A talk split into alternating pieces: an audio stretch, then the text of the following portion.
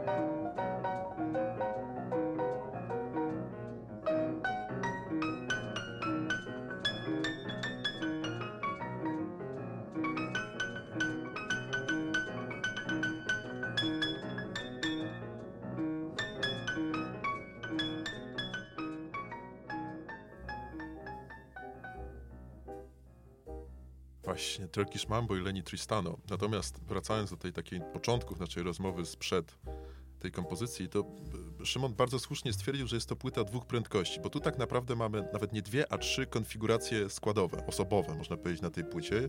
Utwory, które były tak nagrane, zostały zebrane w jedną całość. Mamy utwory, które są solo e, Tristano, czyli Turkish Mambo, które wysłuchaliśmy, Requiem, którego jeszcze posłuchamy na koniec audycji.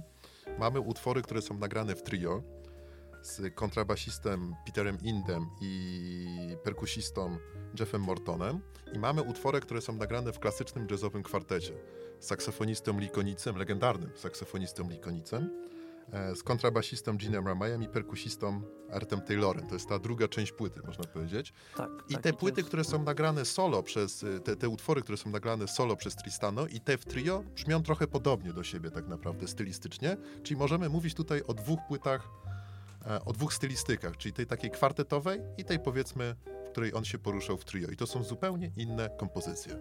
Tak jest, ta, tak jest i to jest właśnie ciekawe i takie dziwne na tej płycie, że ona rzeczywiście y, zaczyna się takimi czterema utworami, które są dosyć awangardowe i takie właśnie w, w stylu eksperymentalnym Leni Tristano i wiadomo, że to jest Leni Tristano, z nikim byśmy pewnie go nie pomylili, a potem właśnie wchodzi taki klasyczny kwartet jazzowy i zaczyna grać standardy, które już idą tak pewnie o wiele bardziej gładko, prawda, bo, Mhm. bo, są, bo są już jakby tematy znane, popowe piosenki czy jazzowe i, i mo, można jakby tutaj y, już grać tak trochę, może z rozdzielnika nawet za duże Mhm. słowo, prawda, ale gra się o wiele pewnie y, lżej muzyką i to widać, prawda, jest taka, jest taka gra, jest taka gra y, y, trochę może z autopilota, natomiast te pierwsze cztery utwory moim zdaniem są świetne i są właśnie takim, y, takim y, bardzo dobrym egzemplifikatem takiego własnego autorskiego podejścia do jazzu właśnie w wykonaniu Leniego Tristana. Tak, Mateusz, jak mówisz, pobrzmiewa trochę w Twoim głosie mm, taka może opinia, być może trochę się mylę,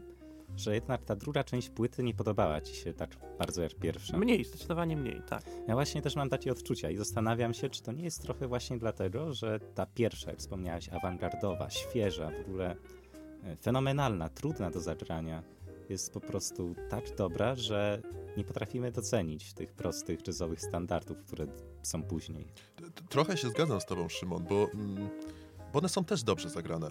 I, i, I rzeczywiście może trochę bardziej to brzmi jak z rozdzielnika, tak jak mówił Mateusz, ale na przykład no, frazowanie likonica w tych utworach, niektórych przynajmniej, no znakomite. To się rzadko zdarza w świecie, w świecie jazzowym, odegrania standardów w taki sposób jakiegoś wczucia się, prowadzenia melodii, jak to robił likonic. Może to też dlatego, że często omawiamy dobre płyty, ale mi nie wydały się niczym szczególnym. Takie Mhm. po prostu zwykłe granie z nut, bez, żadnej, bez żadnego frazowania mm, ponad przeciętność, bez jakichś tam popisek solowych e, muzyków. Generalnie taka dobrze zagrana płyta, Ta dobrze druga część, technicznie, ta druga tak. część. Mhm. I no, nie, no, to gdybyśmy tylko jej słuchali, to nie powiedziałbym, że mamy do czynienia z jakimś dziełem monumentalnym. Y, Pewnie tak. Ja w ogóle mam y, i tutaj bym, bym miał pretensje nie tyle do tego, że, że są jakby zagrane standardy, tylko po prostu to są dwie równe płyty. Właśnie, to znaczy jest takie ostre przełamanie, utwór czwarty się kończy i zaczyna się granie standardów, prawda?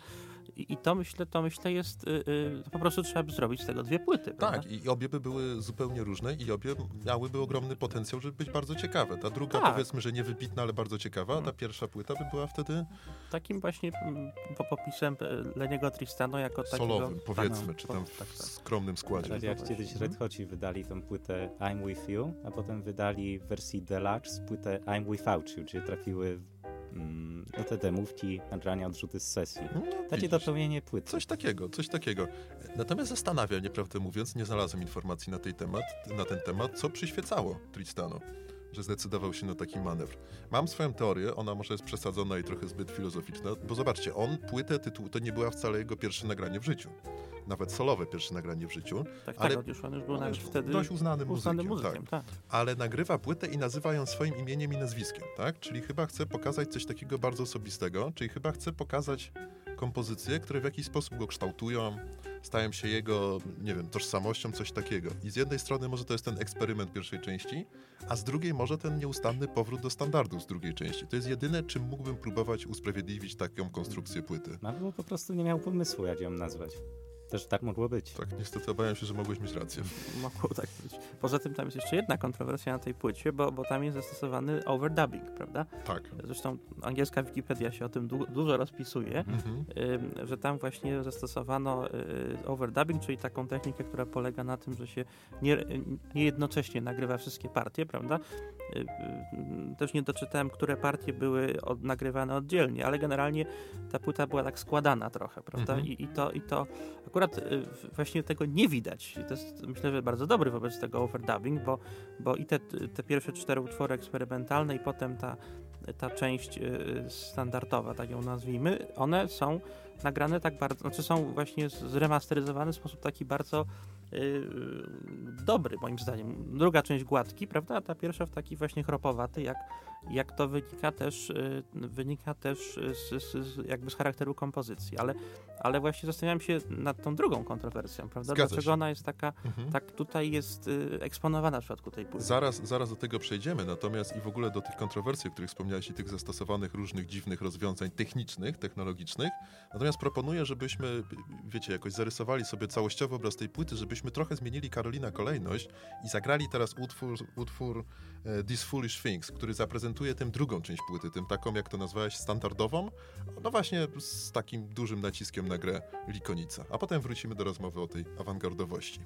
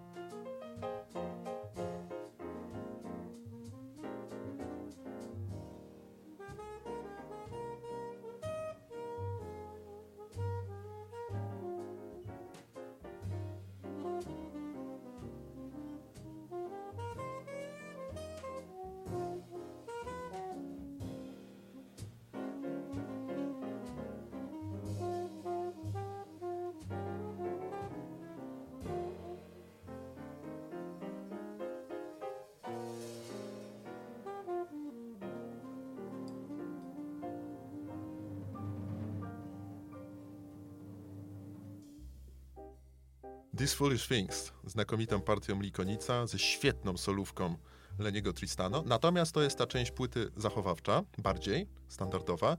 Wróćmy do tego, co mówił Mateusz. Skąd taki szok, skąd takie niedowierzanie? Wiecie, wydaje mi się, że chodzi o to, że to była być może pierwsza próba zabawy overdubbingiem, bo tam też była taśma zwalniana i przyspieszana na tej płycie w świecie jazzu.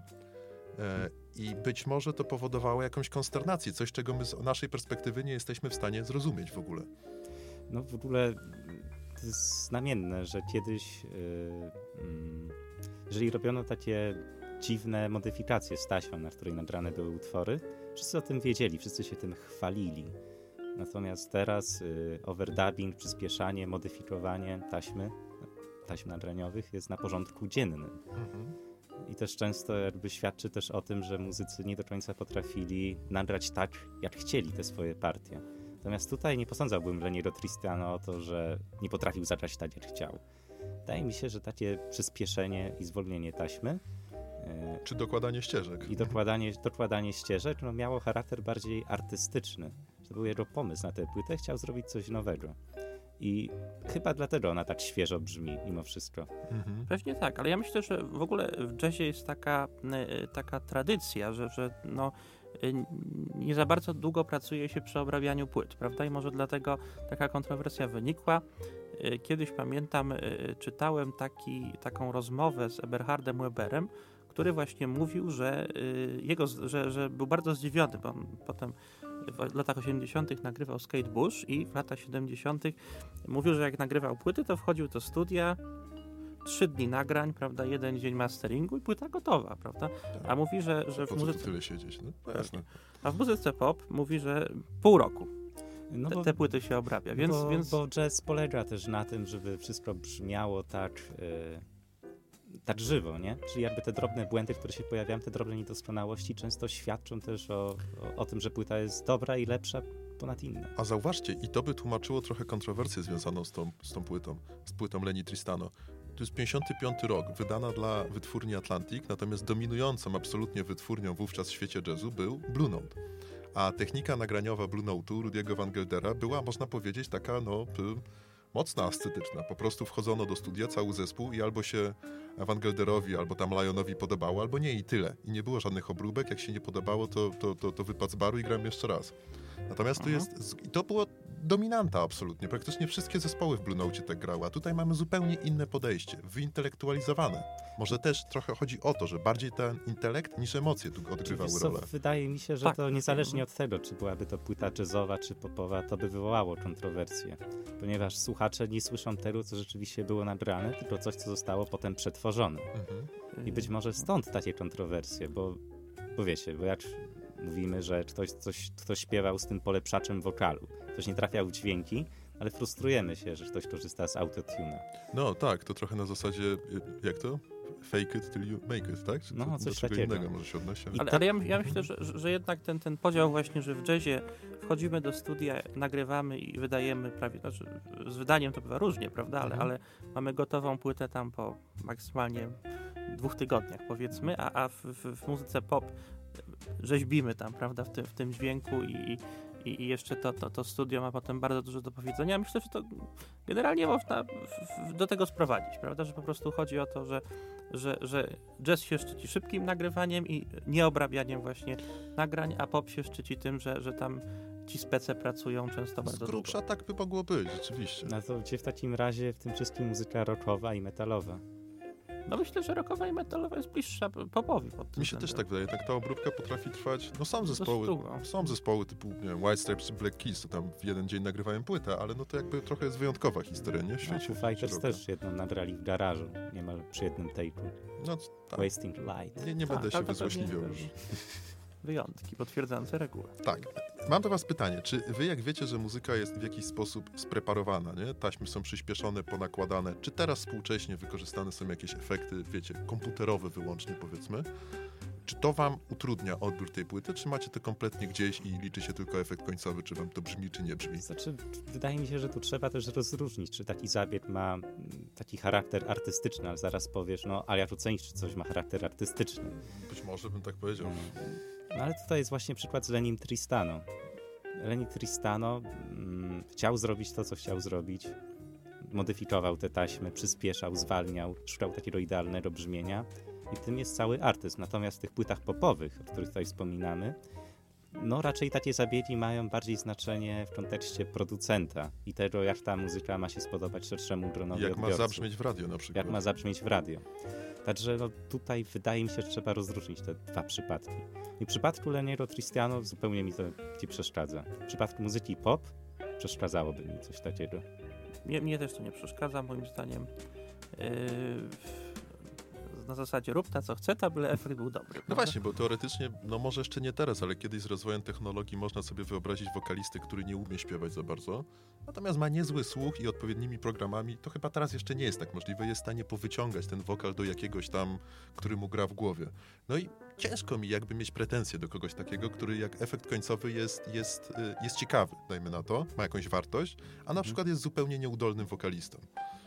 Ja bym nadal takie próby oceniał pozytywnie, prawdę mówiąc. Tak, bo pewnie myślę, że, że ten proces y, jakby pracy artystycznej to jest nie tylko proces nagrywania, ale też obrabiania, prawda? No, Tak się tak, ale, ale to jest jakby świadoma decyzja artysty i on dąży do tego, żeby osiągnąć konkretny efekt, który ma w głowie. Tak, tak, zamierzony Aha, jakiś, aha. tak. Mhm. Natomiast tak jak tutaj wspominacie, że coś jest obrabiane dodatkowo przez producentów, polepszane przez kogoś innego po to, żeby na przykład zabrzmiało dobrze w radio, no to mamy do czynienia z zupełnie innym przypadkiem. Tak, skrojenia brzmienia pod y, gusta, które producent rozpoznaje u słuchaczy po prostu, nie? Także to jest rzeczywiście coś innego. Tu, bo tu mówicie tylko o muzyce popowej. Zwróćcie uwagę, że to jest też plaga, moim zdaniem, absolutna plaga, szkodząca tej muzyce w y, hip-hopie. Gdzie te bity są już zupełnie przeprodukowane i wyprodukowane. Tam w ogóle nie ma grania, nie? Takiego instrumentów, tylko jest robienie. Oni nawet nie mówią, że grają, tworzą bity, tylko robią bity, nie? Zwróćcie uwagę w takiej mowie hip-hopowej. No, to teraz możemy porozmawiać o hip-hopie. No ale bity w hip-hopie są zawsze, przynajmniej dla mnie, tylko tłem do tego, co, co, co tekst stanowi w danej piosence. Co nie oznacza, że powinny być zaniedbywane. No, nie znaczy, ale też nie grają tej głównej roli w utworze. To prawda. My porozmawiamy o hip-hopie, a posłuchamy może utworu Line Up.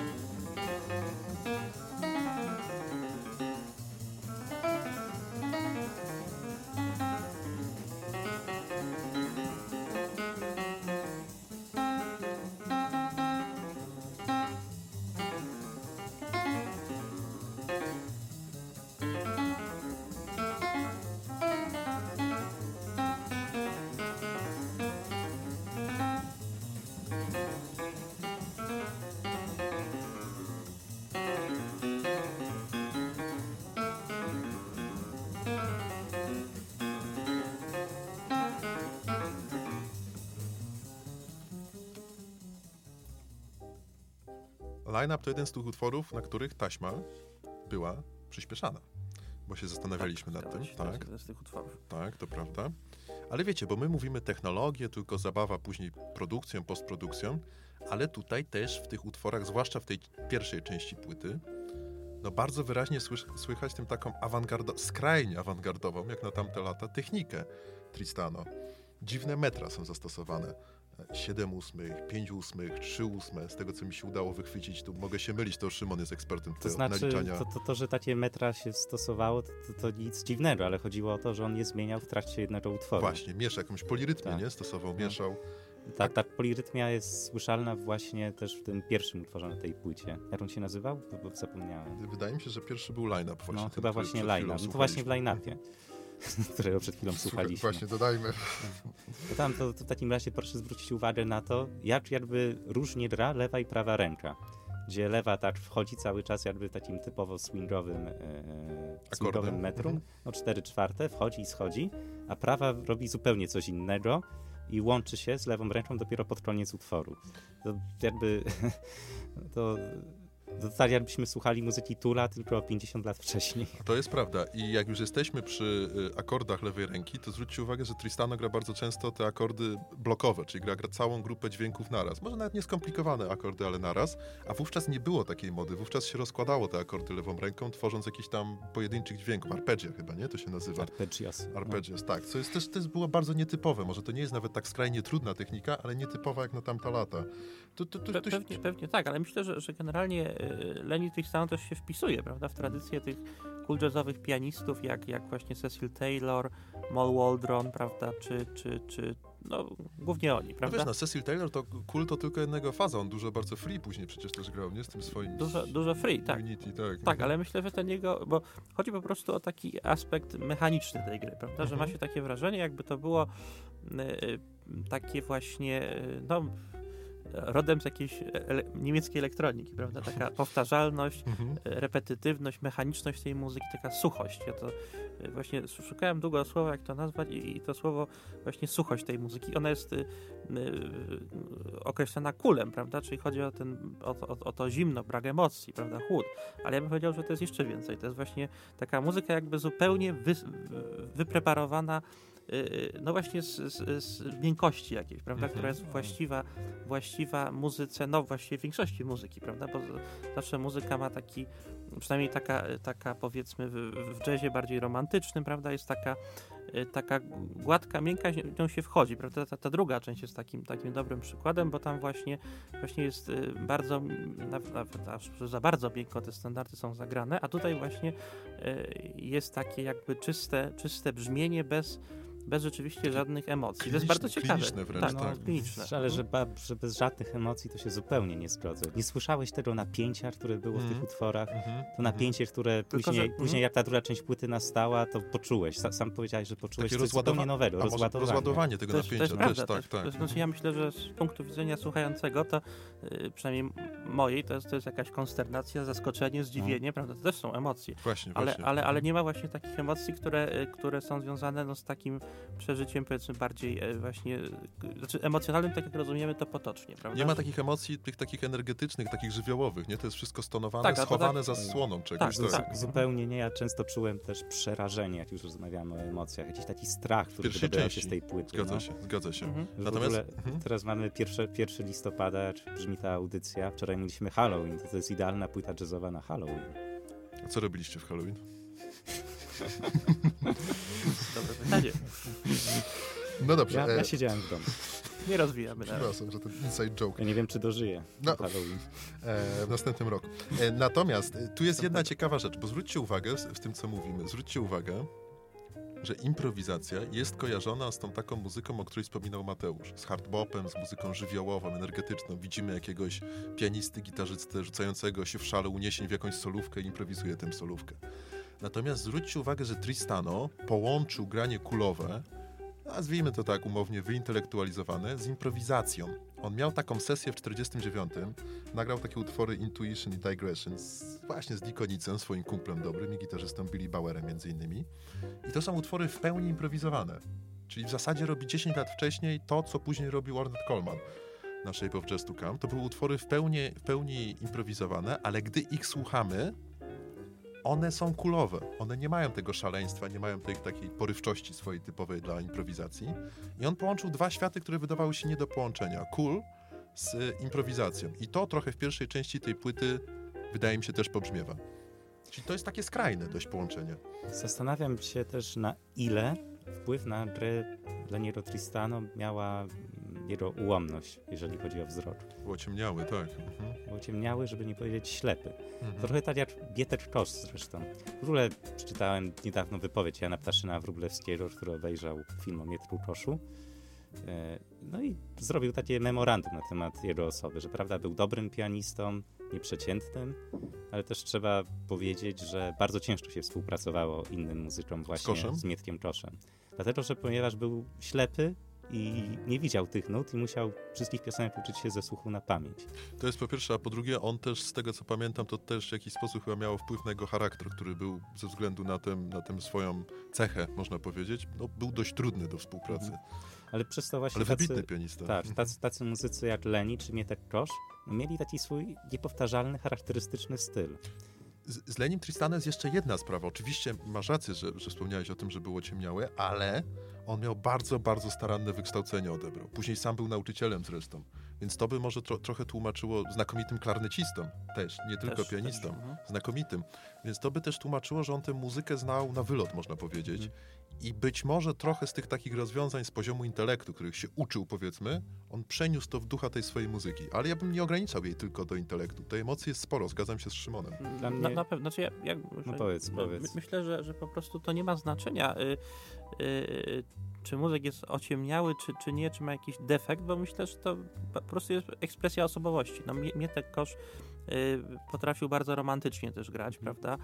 No, nie wiem, Ray Charles, który, który, który by, by, by, by, by, był ociemniały, też grał takie rzeczy bardzo takie pełne, kipiące takimi emocjami tradycyjnie rozumianymi, Mhm. tak to nazwijmy.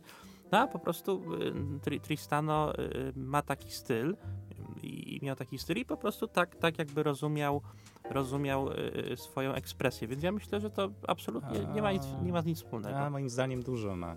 Bo dużo jest w tym, przynajmniej w jego grze, jak słyszę takich chciałem powiedzieć dźwięków dźwiękonaśladowczych, ale to byłby jakiś oksymoron. Ale czy nie mieliście takiego, takiego wrażenia czasem, że nie słuchacie fortepianu, ale słuchacie jakiś inny instrument, na przykład Zgadza saksofon? Zgadza Ja często miałem na tej płycie. w utworze Turkish Mambo w zasadzie słyszałem ten saksofon i się zastanawiałem, co oni piszą, że to jest solo i tam faktycznie to jest fortepian, nie? W głowie Tak, prowadzi no. taką typowo saksofonową melodię, to fakt. No i to jest tak A jakby... może klarnetową, nie? Może, Może to doświadczenie z drugiego no. instrumentu przeniósł. Właśnie czasem tak, tak sobie wyobrażam, że tacy pianiści jak Mietek Kosz, Ray Charles czy właśnie Lenny Tristano, że mając w głowie to brzmienie innych instrumentów, a dobrze znając fortepian, nie próbowali oddać coś takiego. Być może ta osiemniałość jakiś wpływ ma na grę. Może to trzeba by na pewno temat y, jakoś prze, przemyśleć, tak? To ale prawda. przemyśleć, mieć trochę A nie macie, czasu na to. nie macie trochę takiego wrażenia, że coś pobrzmiewa w Tristano e, z Theloniusa Monka?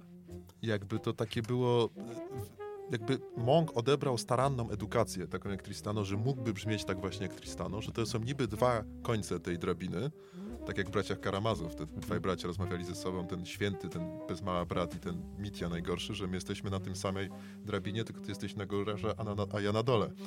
Ale, ale myślę, że, że Thelonious Monk to jest dobra, dobra analogia, bo on faktycznie y, y, też tak grał mechanicznie, prawda? Ja, ja w, w, wcześniej mówiłem o, o Cecilu Taylorze czy Mal, Malu Waldronie. Myślę, że, że oni y, są właśnie mniej podobni od, y, do, do, do, do pana Tristano niż właśnie Monk, tak, tego Monk, Monka prawda? tak Że- że słyszałem. ten, ten Monk chyba rzeczywiście y, był jakąś inspiracją dla jego Tak mi się stylu, wydaje. prawda? A ja powiem, że jeżeli chodzi o tę płytę, to bardziej o dziwo. Charlie Parker i Lester Young, saksofoniści.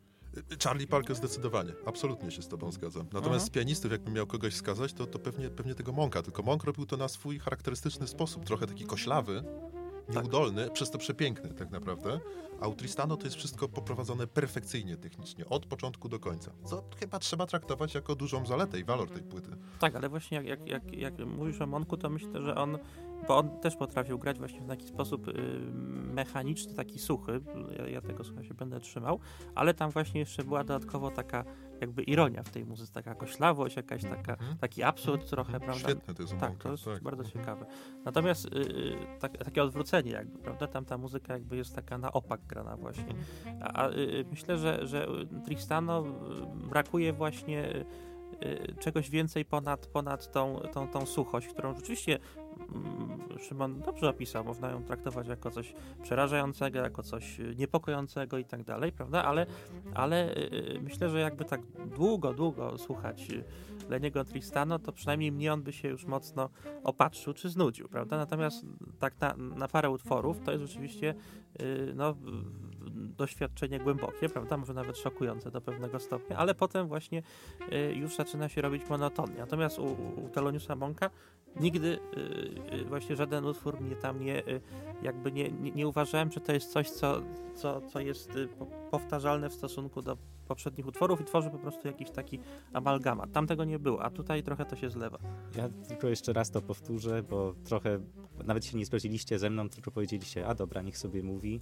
Ja bym nie szukał jednak porównania z Teloniusem Montiem, ale właśnie z jakimiś Nie, saksofonistami. nie, ja się zgodziłem z tobą, absolutnie. Charlie Parker Charlie w punkt, Parker, tak. zgodziliśmy, tak. No bo właśnie to, tak jak tutaj słusznie Mateusz zauważyłeś, no to jednak mimo wszystko, jak już potem zacząłeś to analizować, no to jednak to są dwie zupełnie różne osoby, dwie, dwie zupełnie różne style gry. I bardziej rzeczywiście przypomina to plastyczność wydobywającą się z saksofonu Parkera. No i może trochę mniej Lestera Younga rzeczywiście. Tak, no ty też mi ten part. Young trochę mnie, ale Parker się zgadzam z tobą. No, ale to, tak jak tutaj mówiliśmy, no to jest brzmienie zupełnie innego instrumentu. On nie brzmi jak fortepian, przez co jest taki ponadczasowy. Zwłaszcza w tych partiach prawej ręki, nie? Gdy No. gra jakąś tam, prowadzi solówkę. To jest jak taka ściana dźwięku, która wydobywa Mhm. się z instrumentu. Tam Mhm. zauważcie, nie ma ani chwili, kiedy jakaś nuta trwa dłużej niż, niż jest ósemką. Zgadza tak, się, tak. No zgadza się. w ogóle fortepian jest dosyć miękkim instrumentem, prawda? On jest taki, y, no i jak się, jak się na nim y, tak, tak gra właśnie kla- klasycznie, no, normalnie tak nazwijmy to, to, to on raczej, y, ten dźwięk jest taki dopieszczony dosyć, prawda? Tak, A tutaj, a tutaj jakby jest taka właśnie odwrotność może tego, tego klasycznego brzmienia fortepianu, które gdzieś tam się kojarzy z muzyką romantyczną, nie wiem, Mhm. z, z, czy postromantyczną, prawda? A tutaj jest jakby, y, jakby to brzmienie takie właśnie wy- wysuszone z tych romantycznych emocji, prawda? Natomiast ja bym się nie zgodził, Mateusz, z tym, co mówisz, bo zestawiłeś, powiedzmy, Monka i Tristano, okej, w pełni. Natomiast ja bym się nie zgodził też z tym takim uogólnieniem, że no, oczywiście to jest twoje prawo, że wolisz taką muzykę, ale że ona ma więcej głębi, to co robi Monk, niż to co robi Tristano. Moim zdaniem to są, pomimo tego, że czasami we frazowaniu się zbliżają do siebie, to to myślenie takie, wiecie, gorące o muzyce, hardbopowe, bebopowe i to myślenie kulowe, to by nie wartościowo. To są dwa różne sposoby myślenia o muzyce i wydaje mi się, że w obu tych sposobach jest bardzo, bardzo dużo napięcia, bardzo dużo głębi, inaczej prezentowanej, innymi środkami, ale że na pewnym poziomie dochodzimy do tego samego, na okrągło, innymi sposobami, ale to jest też bardzo mocne przeżycie i bardzo wartościowe, tak mi się wydaje. Słusznie chyba mówisz.